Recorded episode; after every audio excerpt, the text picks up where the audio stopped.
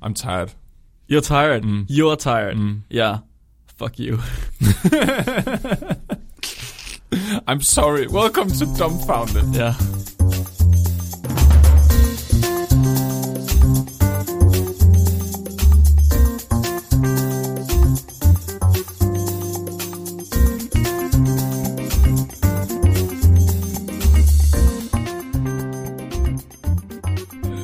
I'm Fleming. I'm Mark. Is that the intro? That was uh, quite a shitty intro. yeah, yeah.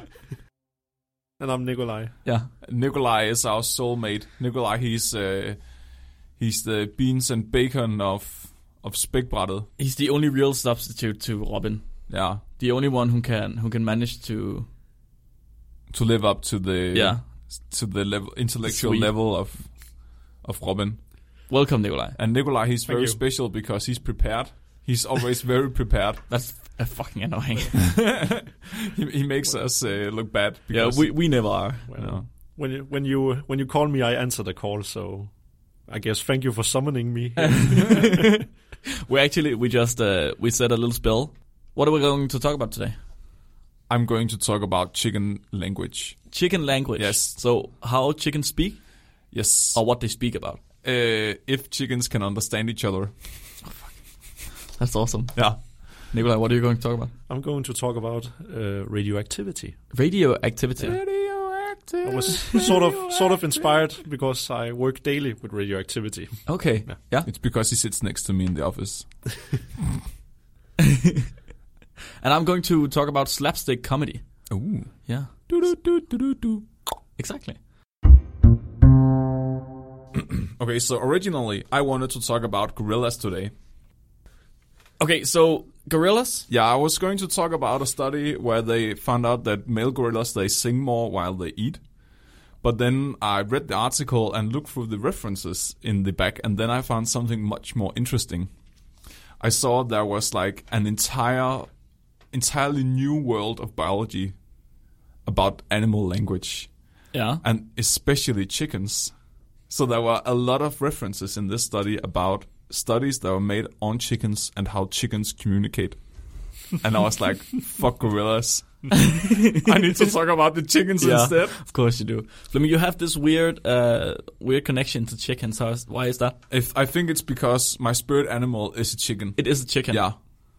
I think I am a reincarnated chicken somehow. N- not a rooster or just a chicken. Yeah, just a Okay. chicken. And you also have chickens yourself. Yeah, I've I've actually I've had chickens since I was four years old. For what uh, is that true? Yeah.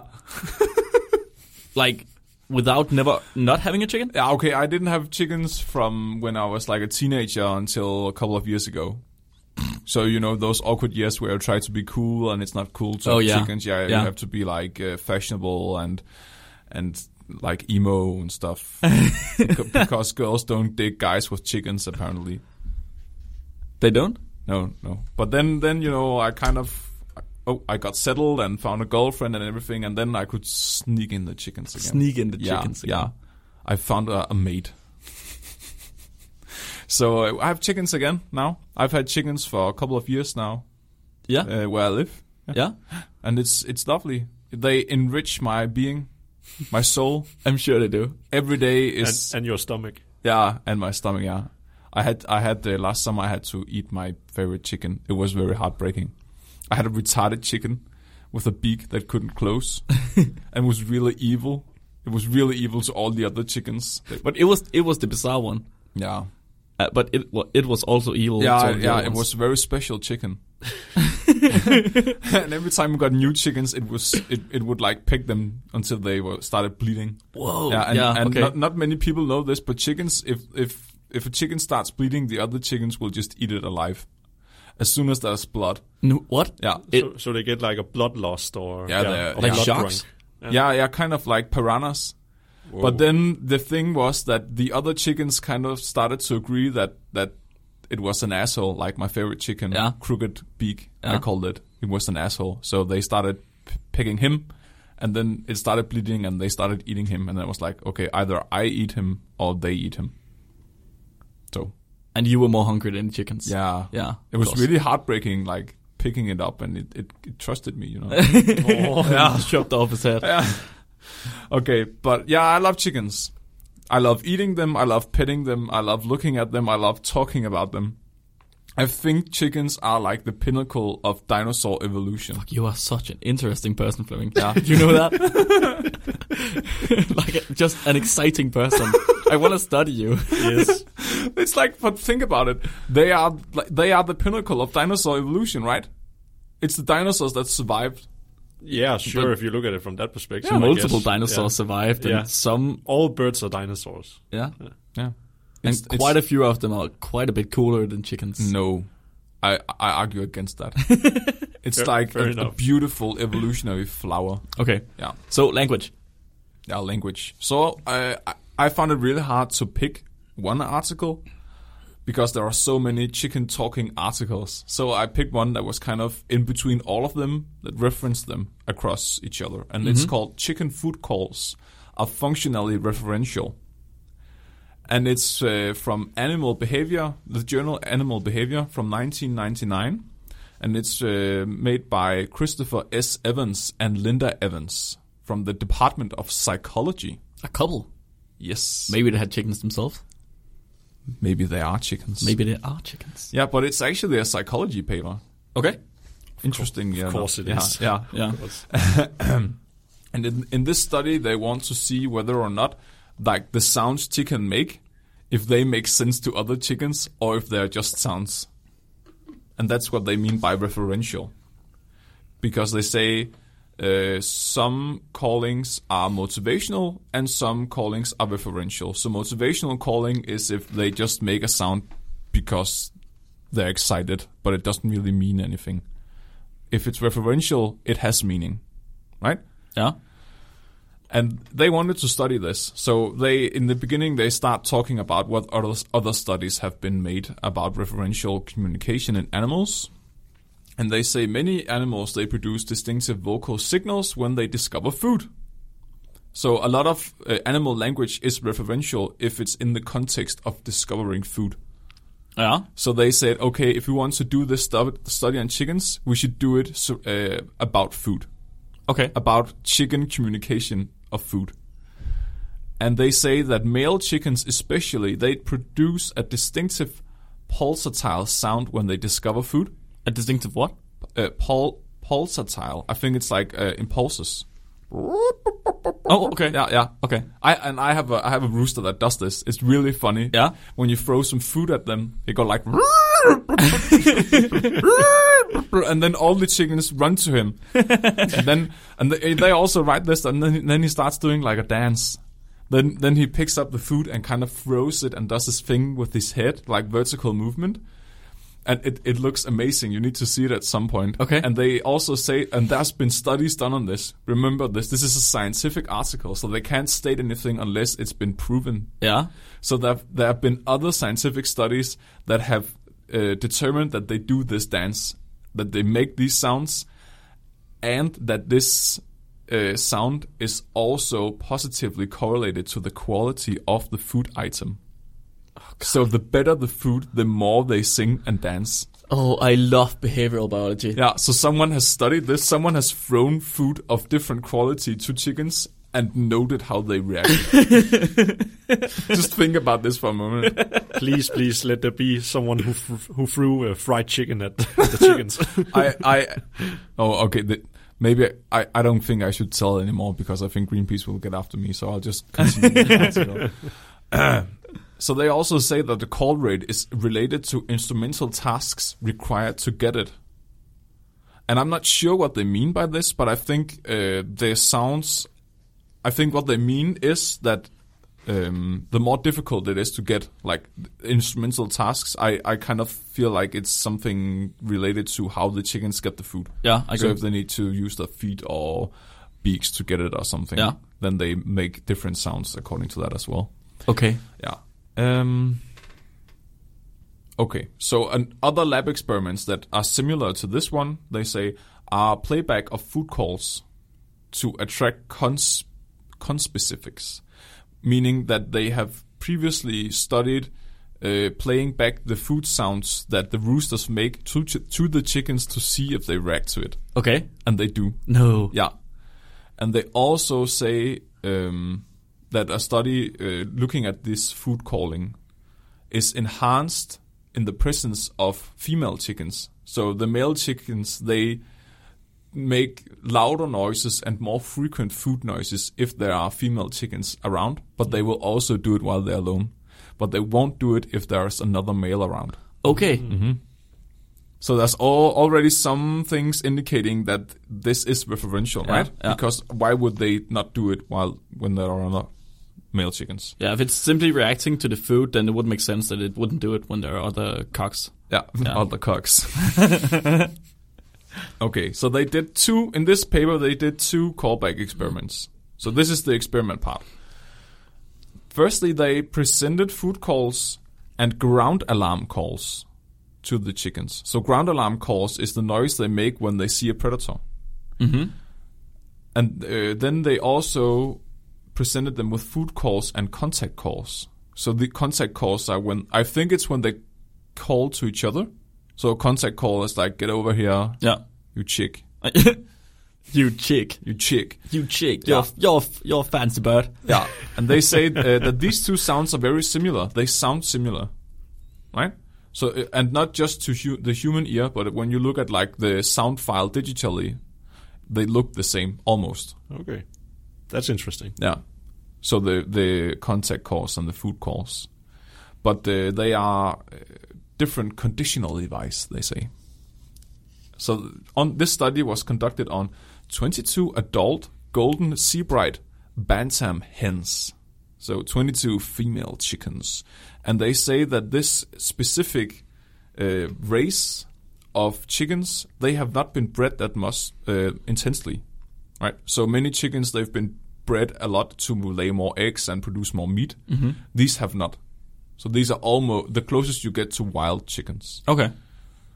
Um, and they say this is just to rule out if they like the chickens I have at home. If they are too inbred, maybe they don't Yeah. communicate of course. properly anymore. Yeah, Or to get, get a crooked beak and uh, Yeah. become Fleming's favorite. yeah, exactly. so, and they presented the, uh, these 22 chickens to the playback food calls. And these food calls, they say, are part of a collection from previous studies during the last decade. So they didn't even have to record food calls themselves. They already had a collection of chicken food calls available. Fuck, that's insane. And they say these food calls were recorded in the presence of 45 milligrams of Neuer's pigeon pellets presented to a rooster. Excuse me? so they say that uh, it's like I think pigeon pellets. You know, have you seen uh, chicken fodder before? Yeah. It's- yeah, They they just presented 45 milligrams of this to a rooster, and then they recorded the sound he made. Stop a sec. How how much is 45 milligrams? That's almost nothing. Yeah, that's very little. Yeah. Ah, it says here. I'm sorry. It's because a single pellet Yeah. weighs 45 milligrams. So they say they delivered three pellets. So it's Okay. It's Okay, three okay. pellets of 45 milligrams each presented to the rooster. Okay. Yeah, and then the sound was recorded. And they recorded the sound of several different roosters in these previous studies. And uh, they say that they sound different. So they, they had a variety of food calls to present to the hens. Okay. Now, the experiment was conducted by placing uh, one chicken alone in a cage. And this cage was then placed inside a room that was soundproof like uh, the room we're sitting in right now with uh, foam on the walls. Yeah. And then there was a single speaker from which they played these rooster sounds. And then the chicken was concealed, so there was like um, a blanket, a black blanket around the uh, cage, so Yeah. the chicken couldn't see the speaker. Yeah. Because I guess if the chicken saw the speaker, it would go like, "Oh, this is not a real rooster." Or probably Yeah. you get stage fright. and then they also state that the the bottom of the cage has uh, artificial grass on it for chicken Oh comfort. God, because everybody knows the chickens are so smart. They just, you know, they they instantly deduce what the uh, researchers are doing. Yeah, it's yeah. so easy for them to see. I mean, how Yeah. dumb are those researchers? Yeah, it's it's like my Can't even fool a chicken. no, my favorite animal. and they also say that the artificial grass is there to dull the sound of the chicken movement. So I don't Yeah, so maybe uh, if the chicken was walking around too much on a noisy floor, it couldn't hear the speaker pro- Yeah, sure. properly. Yeah. They couldn't turn it up. yes, so they really thought this through. And prior to the test, they also trained the chickens to be in the cage. So they placed them for 15 minutes inside the cage with the 24 hours intervals. It doesn't state how many times they did this to each hen, but they had tried this beforehand. Okay? Then they started playing the calls to the chickens. And then they recorded their reactions. And they selected five behavioral measures to characterize the responses to the audio. And these changes, they actually don't state them directly, which I found really annoying. But uh, reading the discussion, I kind of deducted that it was changes in locomotive behavior towards the speaker, close inspection of substrate, approach and contact calling. Or so looking downwards. There's an entire section of the methods talking about looking downwards, about the eyesight of chickens and how they, their eyes are like almost perfect 360 vision. But if they have to focus on something, they have to turn their head down f- to get their eyes to focus on it. If if if something comes, wow, if something's underground or just you for anything To focus on anything. on anything, they have to turn their head down. Yeah. What? It's like, haven't you seen when they turn like their head down and sideways to look at something? Yeah. But I thought it was just looking down. They were just looking down. Yeah, it's focusing. No, it's focusing. So it's, it's actually looking at me with uh, clear intent. Yeah. It knows it wants to kill me. Yeah. Yeah. it's plotting against you. It's butting against me. Yeah. We will rise once again. yeah, and uh, the rest is like fancy words for saying they start inspecting uh, the cage for food, they approach the speaker, or they do other f- fancy shit They do other fancy shit. and make chicken sounds. Yeah. yeah, and Okay. they and they did. The chickens reacted to these three different kind of callings, and they actually re- reacted differently. So uh, initially, when they heard these uh, contact calls and food calls, they reacted by a startle-like response. so the chicken was like, "What the fuck is this?" and started walking away from the sound. Uh, and then after this initial reaction, they would elect an anticipate, anticipatory feeding behavior, meaning that they first was like, "What the fuck is this sound?" and then were like, "Oh, it's a food sound. Where's the food?" Ah, ah. Mm, yeah, but if if it was like um, the predator call, they would first run away from the speaker, but then they would start running towards it.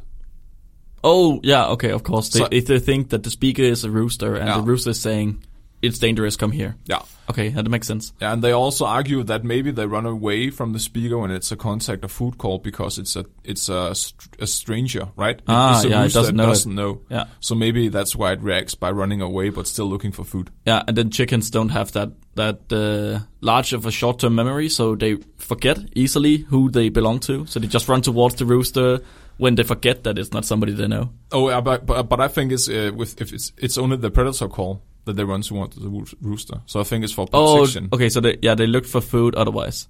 Yeah. Oh, so whenever it's protection, they don't care who it is. Yeah. But when it's food, Yeah. it's every man for himself, Yeah. Just like humans. just like humans. Yeah. They kind of conclude that this means they can actually do referential uh, co- food calling because the chickens reacted differently to the calls. So here you go, chickens can talk to each other. So in 50 years, chickens are gonna rise up like in the Planet of the Apes, and then they're gonna take over the entire world. I was more thinking like, think of the power you could have Power. How? if you learn Wow. to Of do a plosives here. chicken call. Like if you learn to do the perfect rooster chicken food call. so you become the hen whisperer. yeah, yeah. the alpha cock. The alpha, oh, Oh. alpha cock, Oh. of course. So we just call summon the chickens with a food call. That seems practical for somebody like you, Fleming. Yeah. It would be easy for you to get all of your hens out of the, the hen house or whatever you need them to. Yeah. Summon. And at some point, they, they would know you, so they wouldn't get a startle. Oh. And if if uh, if there's like uh, any um, what's it called thieves in my house, I can just yell. Mm. for Yeah, Oh, the because chickens. chickens. are very aggressive and they like to. And you can't do anything against it if it attacks you. No, No. That would actually be terrifying if you were a burglar in the middle of the Yeah. house at night and you just started hearing that. being attacked by 20 chickens and a two meter tall guy s- making chicken sounds. Did they did they also test if or have somebody also tested if roosters also react to other rooster sounds? No, they didn't check that. I think it's And also roosters didn't make sounds when other roosters were in the neighborhood. that right? was another study. Oh, that's not a study. Yeah, Okay. that's for another time. I think it because I think it would be more interesting to have guard roosters than guard hens. Oh, but I don't think they would get along. So you need you would need like separate cages, Um, well, why would that matter? or maybe they would start attacking each other instead of the burglar. You think so? Yeah. If you brainwash them all to react to your rooster calls, Mm. But maybe they wouldn't react. Maybe they would start attacking me because they think I'm a competing rooster. that would be, that would be a problem. Yeah, that would be very confusing for the burglar. My dad, he actually makes a perfect uh, turkey call. What seriously? Yeah, I've, lo- I think I've told you before, but it's like uh, he's he's really really good as as at making turkey sounds. Can And- you replicate it? I'm not as good as him. It, he Is that how it sounds sounds? what? Is that how it sounds? Yeah. but I, I, we were once in this uh, like uh, kids zoo in uh, Jutland, and my dad he went up to the turkeys and he went like, and then all the turkeys they just stopped and looked at him, and then they all at once went like. it was like he was the god. It was amazing. and then, then and then all the, ch- the like the tourists and, and kids around they noticed and started running up to the ch- uh, turkey cage and doing the same thing. And Yeah. the turkeys were like they couldn't care at all. and then after five minutes, my dad did it again, and Oh, that's all the perfect. turkeys reacted. Yeah, that's perfect. Yeah, so your dad is literally the turkey whisperer. yeah, that's his superpower. I haven't discovered mine yet, but I hope it's It's something gonna it's similar. gonna be a rooster call at Yeah. some point. You just got you gotta focus. You gotta train. Yeah, yeah. Train hard. Yeah. You have to go to a monastery and train train with the monks. yeah. And then in 15 years, approximately, you're gonna be completely bald. Yeah. Uh, have the t- biggest blue balls ever, and then you can make the perfect rooster call. And then you're you're gonna make your own school for specially talented kids that can come and train with you. Specially talented farmhands. Aim for the stars. Aim for the stars. Land on the turkey call. Nikolai, will you tell us about radio- radioactivity? Yes. Uh, more specifically, I'm going to talk about radiotropism or radiotropic fungus. Oh, So, what I mean about that is that there are actually some organisms that are able not only to tolerate high amounts of radioactivity, but they're actually able to live off of the radioactivity. okay. So, we need to take a trip over to uh, Chernobyl, at uh, more specifically Reactor 4.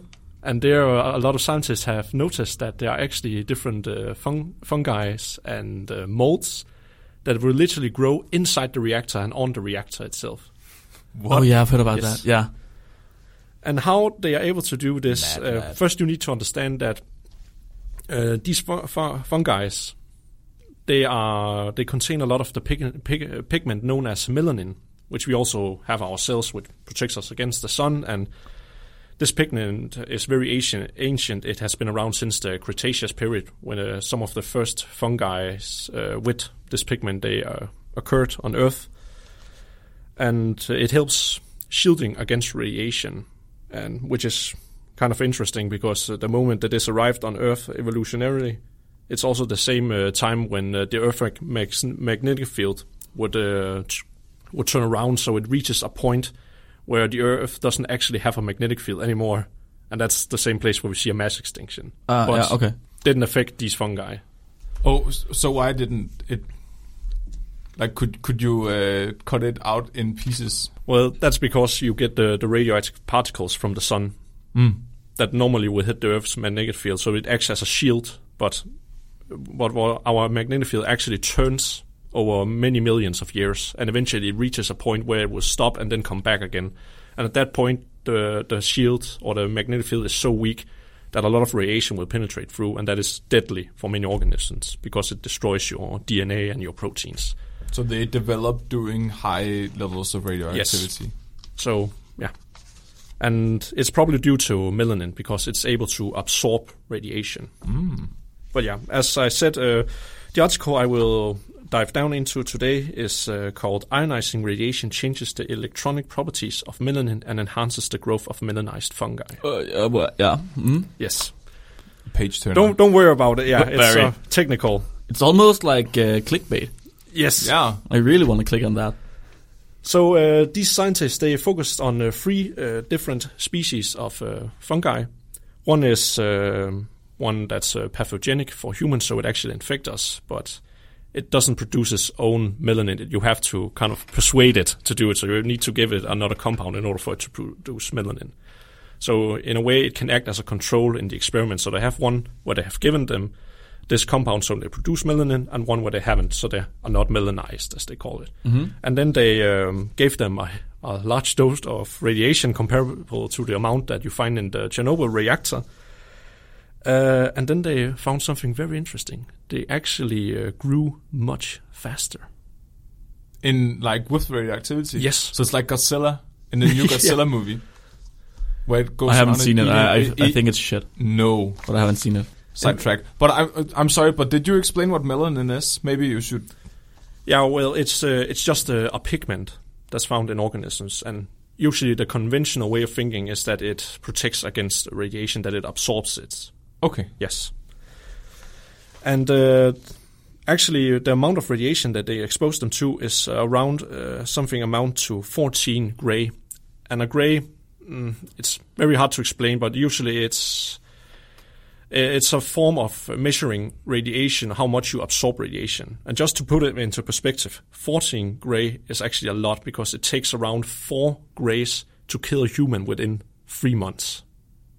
So you gave them 14 Is it four over gray, 20 over 20 minutes Four gray to kill a human in three months. yes if you get a four grays right now and acute doses you would die within three months Oh, okay, So okay, it's not no no continually. no that's just an acute doses okay. Yes. And they they got fourteen for twenty minutes. yes for 20 and also for 40 minutes and the longer it went the faster they grew So he really loved this stuff. yes That's fucked up.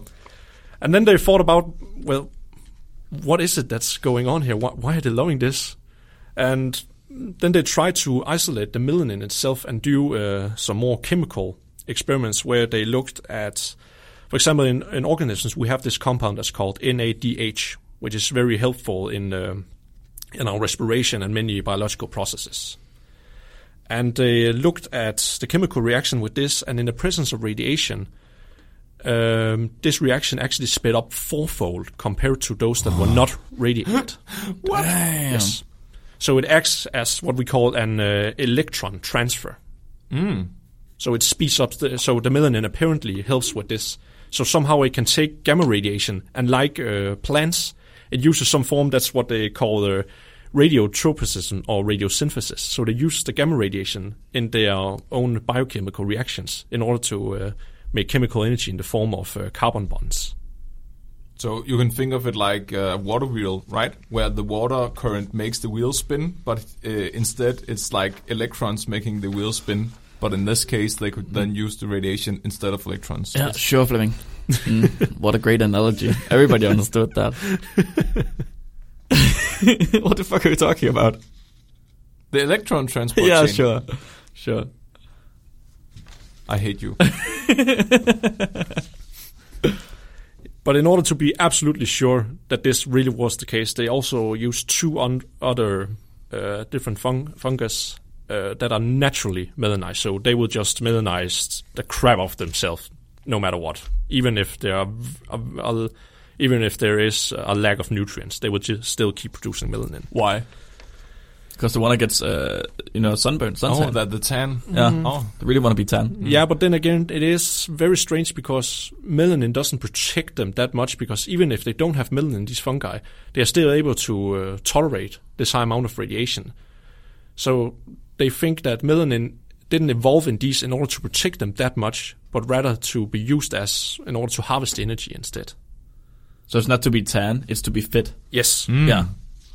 because a lot of these fu- uh, fungus that tolerate this high amount of radiation, they don't. Not only do they live in radioactive places, so they are used as a biomarker in order to see this place is probably contaminated with radioactivity, but they also are found at uh, the highest mountain on Antarctica, because there's around thousand times the amount of background radiation. Yeah, Delicious. May, okay, so they abs- they they absorb the radiation. So maybe we should make suits out of them.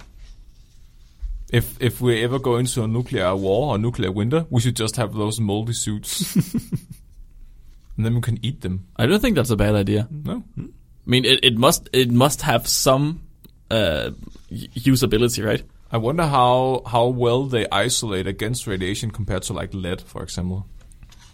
Well, the funny thing is, they said that they also tried with other forms of radiation instead of gamma ray. They also tried uh, ultraviolet, like what we get from the sun, and uh, also infrared. And it didn't seem like it mattered that much, actually. How oh gamma rays is that? Which That- one is that? Is Uh, that is that's the a high- photon. yeah, that's uh, all form of radiation, electromagnetic radiation, is uh, photons. Okay. So particles of light, and gamma rays are the most energetic ones. okay? So ultimate light. Yes, The ultimate light. it's very bad for you. It will, it Ultraviolet. will destroy your DNA. It's very bad for you. I will destroy your DNA. But they also did experiments where they radio, where they took um, um a carbon atom and then they labeled it, uh, or they took an isotope so it's radioactive, and then they um, have uh, a compound known as acetate, and then they did an experiment to try and provide this to the organism in order to see how they will incorporate it.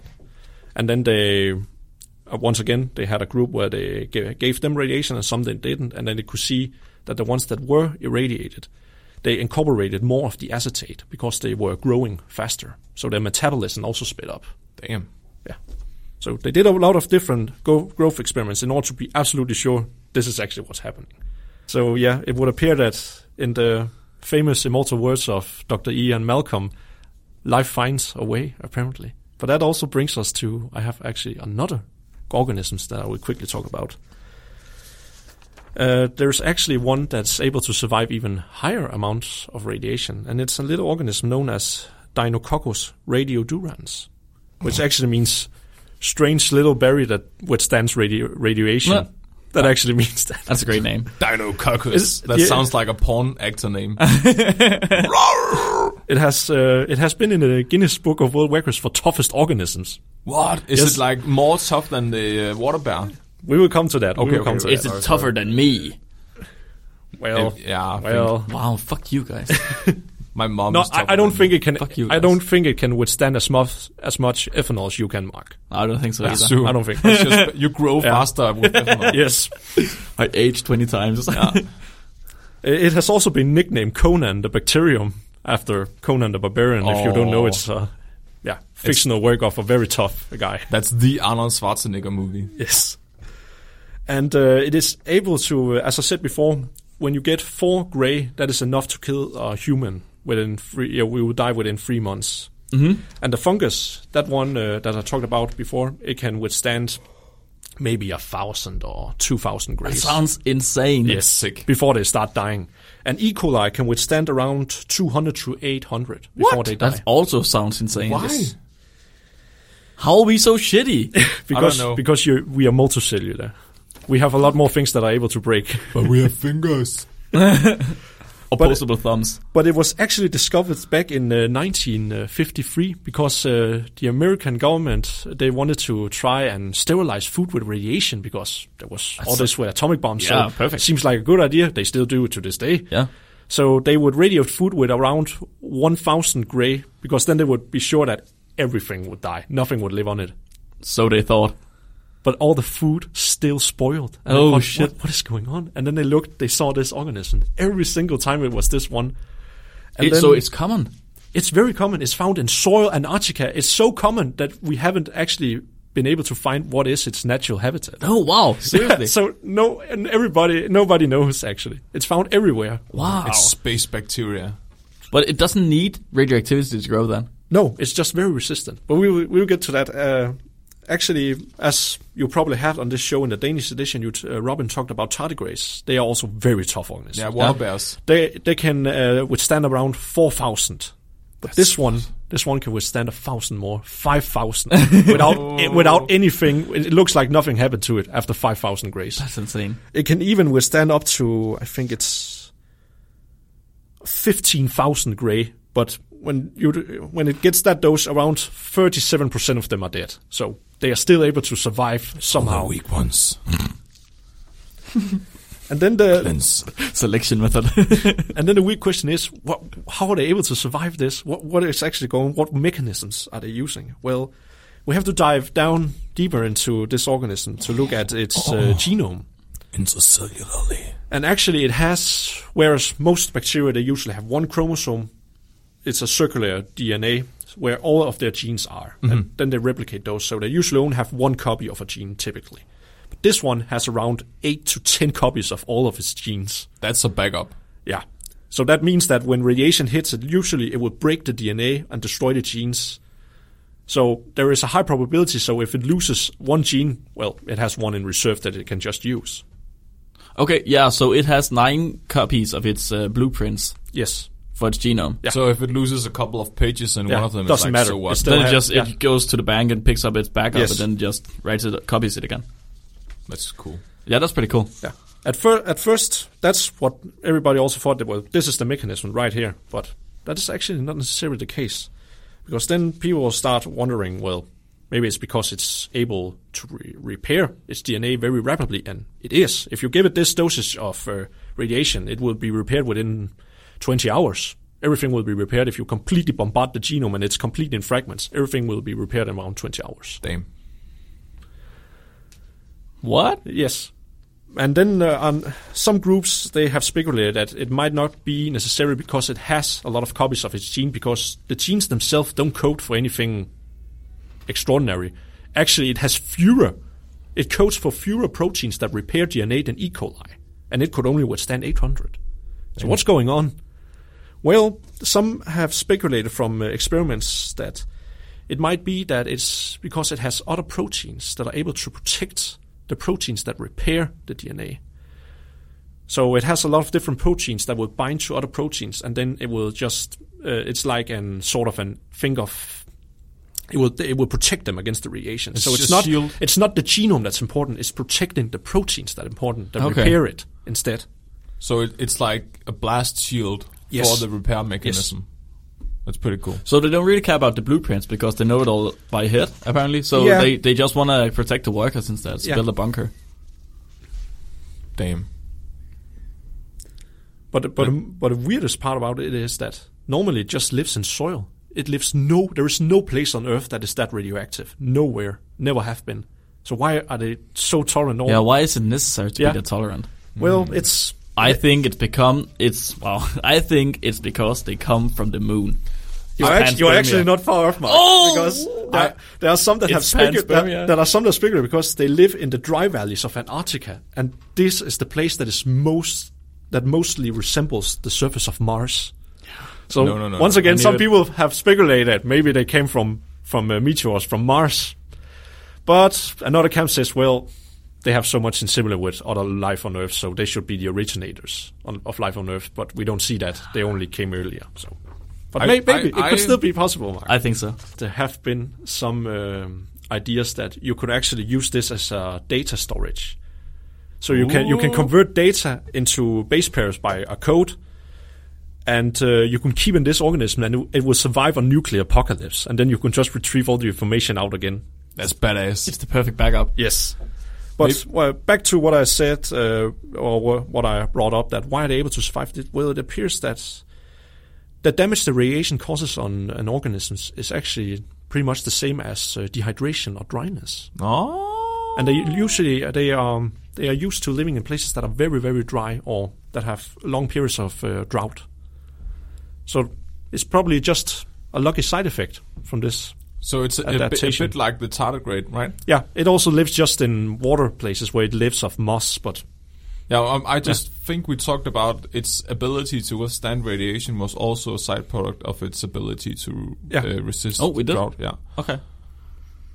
but that's pretty cool. There, there are some. Uh, there are a lot of scientists that are looking into this organism because it can potentially be used as uh, as an organism to clean up radioactive waste sites.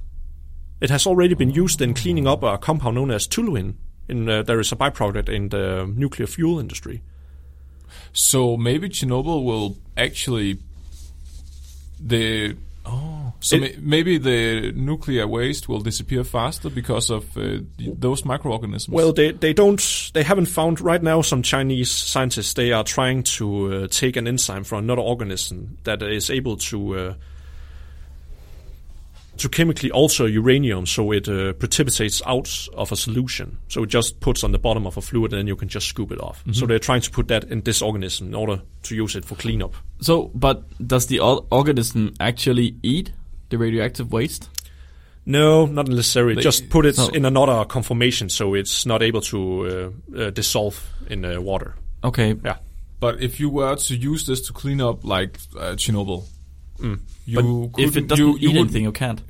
Yeah, but it, it would absorb the radioactivity, right? But it Not, wouldn't not faster than anything else. No, it wouldn't. It wouldn't make the radioactive waste uh, radiate faster. No, no, no. The half life is still the same. I Yeah. guess. Yeah.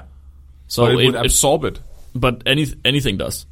Yeah, but if, right, it, But it- but it, it, it, Doesn't would really matter. it, you would you would save a lot of money from the cleanup itself, for example, because the U, uh, the United States Department of Energy has has already tr- uh, investigated uh, or actually deployed some of these organisms in the cleanup of toluene from uh, radioactive uh, waste sites. that's pretty badass. Yeah, and they actually saved a lot of uh, money doing that. Fair enough. You know how sometimes you're completely sure of something, but you kind of still want to measure if it's really true. Have you ever thought that? My penis. Yeah. So like i- if you have a pot of boiling water with salt in it and you want to figure out you you know that it has to be above 100 degrees because it has salt in it. But is it really? Or if drinking 10 beers in the afternoon is actually going to get me hammered? I mean, I know it will. But have we actually measured it? Will I actually go blind from masturbating? Exactly, Fleming. I am going to tell you about the science equivalent of this. So, I'm going to tell you a story of the greatest scientific discovery ever since water is wet or fire is hot. but before I do this, uh, you gotta listen up. So, I've made up part of this story. We talked about uh, wanting to do this, so I've made up just a smidgen. A bit of fake news, if you want. So part of what you're going to tell us now isn't true, Exactly. and we have to guess what it is. Exactly. Aha. Yeah. So everybody has to, not just you guys, also the guys at home. So you guys listening at home, you gotta figure out. So I'm gonna tell you some stuff here. I'm gonna tell you about this article, and it's your job to figure out what I tell you, uh, which of it is fake or not. Interesting. Is it one part or more? It's just a single part. Okay. Yeah. Okay, so I found a paper. It's from 2012. It's from Mabuchi and colleagues, and they are from Japan. And this paper is called "Frictional Coefficient Under Banana Skin." yeah, that's the slapstick comedy How, of this. how slippery is a banana? Exactly. Ah, what's the friction frictional coefficient on the banana skin? So you have uh, a measurement for how slippery stuff is, or how sticky it is. That's called the frictional coefficient. Yeah. Yeah.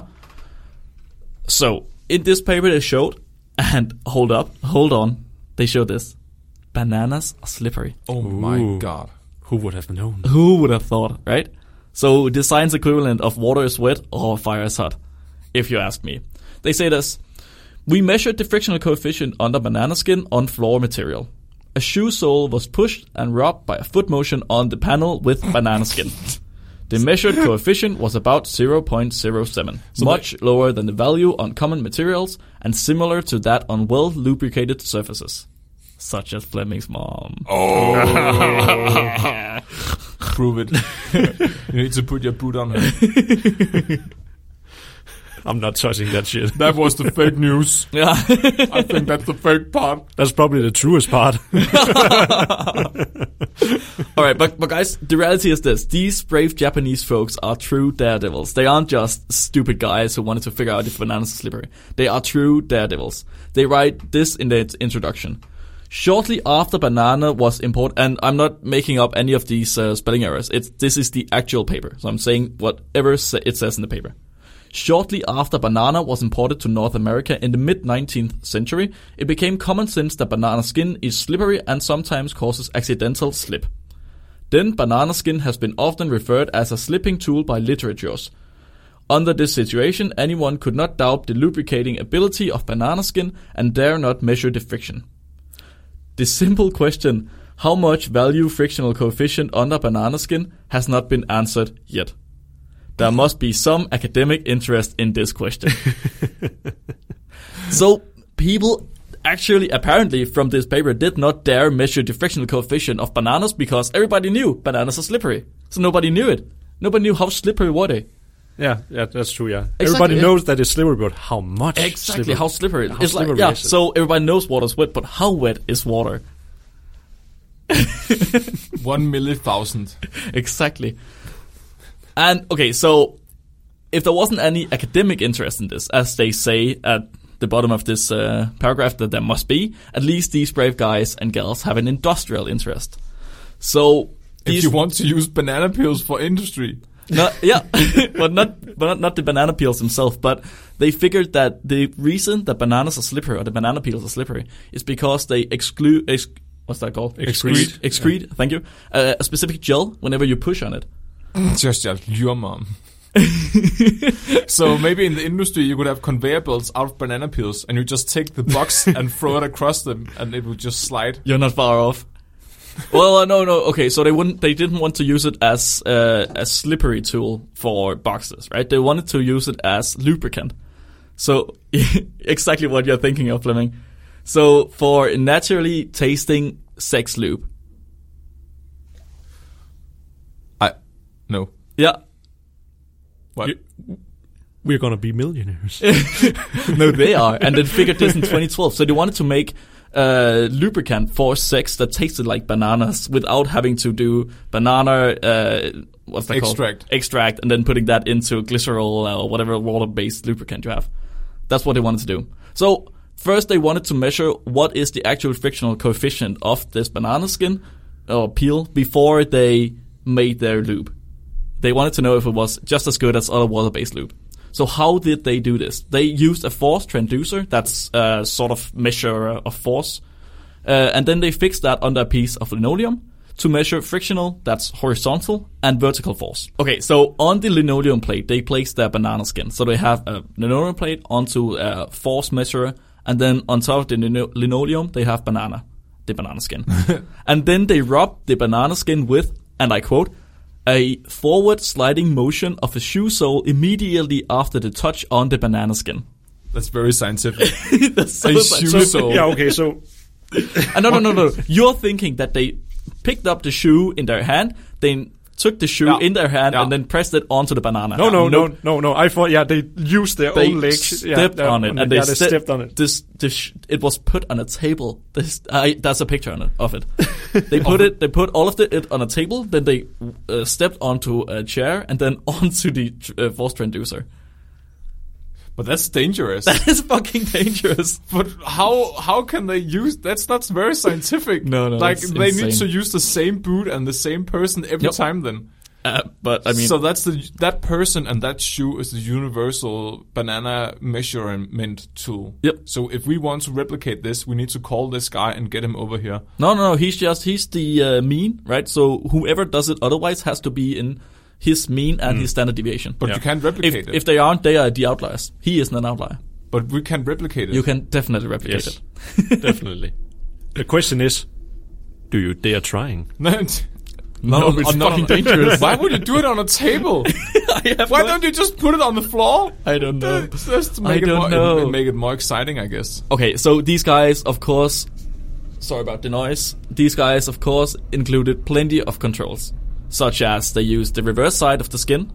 So Mm. they had the uh, the inner part of the skin at the bottom first, and then they turned it around. Mm. They also tried dried skin. They tried tangerine skin. They tried lemon skin and apple peel.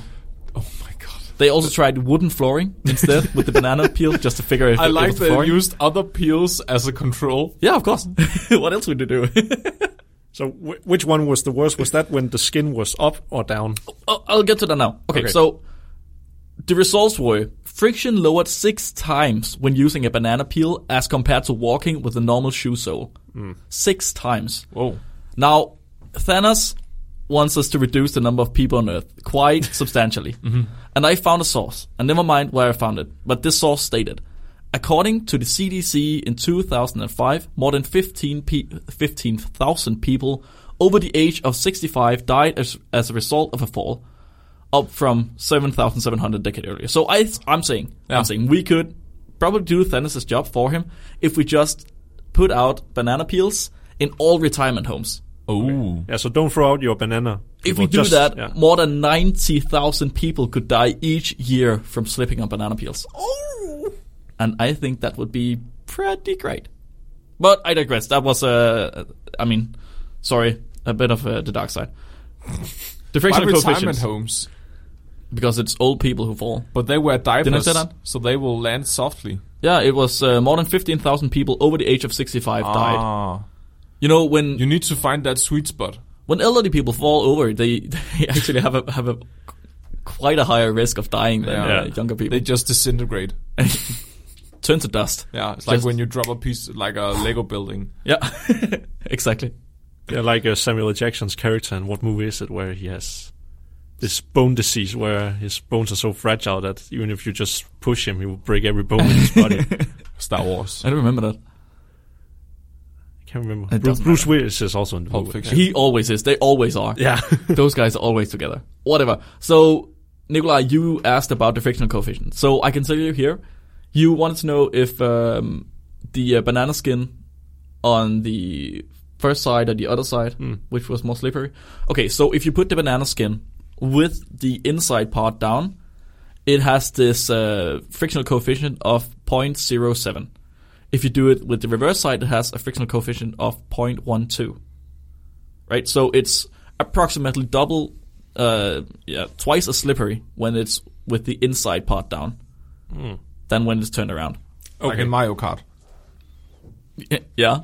It's th- okay. Yeah, you're thinking. Yeah, so if it's turned like it is in Mario Kart, it has this uh, fictional value of 0.07.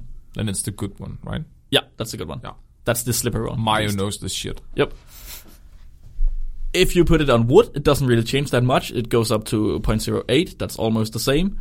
If you use a dry skin, it goes up substantially. Like uh, it goes up to 0.03. So it's less sorry. slippery. Ah, It's less slippery. Yeah, yeah, okay. Yeah, the, the higher the frictional coefficient, the less slippery it is. Yes. Yeah. Yes. If you use an apple peel, that's almost the same. Uh, Really? What? Yep. As a dried banana or a wet banana That's a wet banana. with it inside down. Yeah. So if you you Shit. and there's a difference between using an apple peel, uh, the thickness of it. So you want a thick apple peel.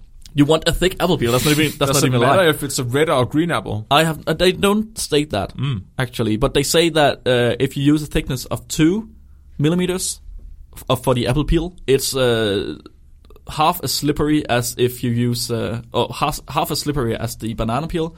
If you use it uh, at three, it's almost the same. That's quite thick. Yep, That's a thick peel. that's a thick peel. I hate it when people like peel stuff with a thick peel. It's like a waste of food. Yeah, Unless you want to to kill old people with it. yep, and that's what we want to do. Yeah. So maybe that's justifiable then. I think so. They also tried the lemon skin, the tangerine skin. Those weren't as slippery. Uh, the lemon skin clocked in at 0.2, and the tangerine skin is almost the same. So the banana peel is definitely slippery, and apple peel's almost as slippery. And uh, you want to turn the the uh, banana peel the right side down. Yep. So that's that's how uh, that's Chaplin did it. But what what if you like put the banana peel on its side? Then you would have two um, surfaces that are not slippery, and then two slippery surfaces against each other. Could you elaborate what what do you mean by saying on the side? Yeah. So if you peel the banana and you have the entire banana peel, and then you close it again and lie it on the floor, Huh? then you would have two slippery sides touching each other. Oh, like that. Okay, Yeah. so what they did here is that they, you know, you peel off like three peels from a banana. Yeah. Oh! Then they took it all apart. So you had three different pieces No from one, the banana no peel. one peels a banana like that. No, one. no, but they did that. I anyways. have a dark secret actually. I have proof that Robin is actually Satan. Oh no, does he peel his banana from the wrong from the end? bo- he peels the banana from the bottom and he eats it. From Wait, that's the right end. No, it's from. I, I peel it from the top with the the still yes, with the stalk. That's the Yeah. way to do it. No, that's the that's the idiot way. Oh my god, you're fucking. That's the idiot way. When, when you say idiot way, is it because you peeled it the way that that the other apes do it? I don't know if other apes do You're it like such a that, but monkey. I'm I'm the I'm the genius. I do the genius way. You do That's- the idiot way. That's why you like climbing so much. I, yeah, I'm sure. they, of course, also include a discussion Right, and in this discussion, they talk about how slippery bananas are, how great it is for lubricant, and then they also have uh, safety considerations. So it's almost like they wanted me to kill old people, and they include a picture. So they they include a picture of a guy walking on a floor. I don't know if you can see it. I mean, I- beautiful. If I remember, I'm gonna put it up on uh, Facebook and Twitter or whatever. Otherwise, find the article yourself. So they have a picture of a guy walking, and then they have the angle of his foot hitting the um, the the the floor, and then they have the angle of the vertical force and the horizontal force, and then they say that if you d- want to uh, to prevent slipping on a banana peel, you simply need to walk on it with an angle of less than 3.8 degrees. So you want to be right on top of it. Right on top of it, yeah. Okay. Pretty much Mm-hmm. no That's it. angle on it. That's how you make sure you don't uh, so, slip on a so you banana can peel. jump on it. Yeah. Yep. And Exactly. not fall if you jump very hor- very uh, hor- Straight. straight. Yeah. Yeah, if if you ju- if you jump horizontally, so you come from the side, Yeah. you're gonna you're gonna slip. That's Ah. that's, That's- much too high of, that's a, good of to an know. angle. Yeah. So uh, in conclusion, bananas are slippery. Hmm. Okay, guys, what was fake? I have a confession to make. What? I've read that one before. Oh fuck! yes. Of course you have. of course you have. I actually think I'm the one who sent it to you, perhaps. No, I found this myself. It's Oh. from uh, it's it won an Ig Nobel Prize. Ooh. I think it's the. Mm, the f- uh, well, definitely the Thanos part that you talk about. Oh yeah, but that, that was my own yeah. uh, impression. Mm. So don't ma- don't mind that at home either. I know that it's true that I actually did step on it. Yeah. Yeah, I know that's one's true f- because I've seen one of the pictures. Hmm, but what other part? I don't think it's true that they used other fruits. Fleming. I think it's the loop part. It's definitely the loop part. I don't think it makes sense. No, no, no, no, no. So they s- do say that when they squish the banana, it uh, ex- excretes this uh, gel, Yeah. excretes this gel, and uh, this gel could be used for other stuff, but not sp- specifically sex lube. And I don't think that would be pleasant. but I I don't know. And I think of this: someone has listened to this episode, but then stopped before they heard the ending, and now they are squeezing bananas on the genitals. I mean, who knows? It, it might it might be a, a good i- idea. Oh my God, Henning, you forgot the loop. I'm sorry. I have an idea. Get the banana. I'm, Yeah. go- I'm gonna write that idea down if I ever need money. They call it follicular gel, or and then when they squish it, they call it homogeneous sol.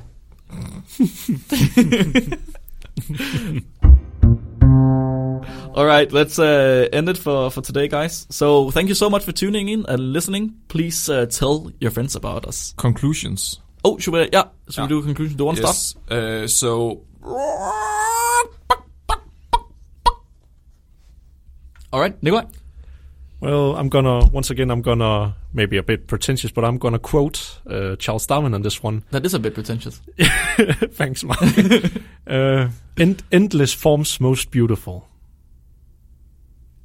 And my conclusion is bananas are slippery. thank you for listening. Thank you so much for listening. Please tell all your friends about us and uh, share us on Twitter and Facebook and wherever you want to share us. Um, also, check out our webshop. We have a deal coming up. So, Buy one and get one. yeah, if you use the coupon code SHIP4U19 between the 29th of January and the 2nd of February, you get uh, free shipping on our webshop. And you can find uh, the links to the link to that and the link to all of our, our other stuff on uh, in the description. And we are also now again with Dumbfounded uh, exclusively on uh, Spotify and iTunes with just the English episodes. And then otherwise you can find SpecBotter as you normally do, usually do. I guess uh, do I have anything to add, guys? You could apologize For for being you against me. I'm never gonna do that. I thought it was a good analogy with a water wheel. It wasn't. thank you for coming, Ah, yeah. Eli. And for Thank you. uh, Thank you for substi- having me. yeah, substituting for for Robin. Otherwise, uh, see you around and remember to be stupid.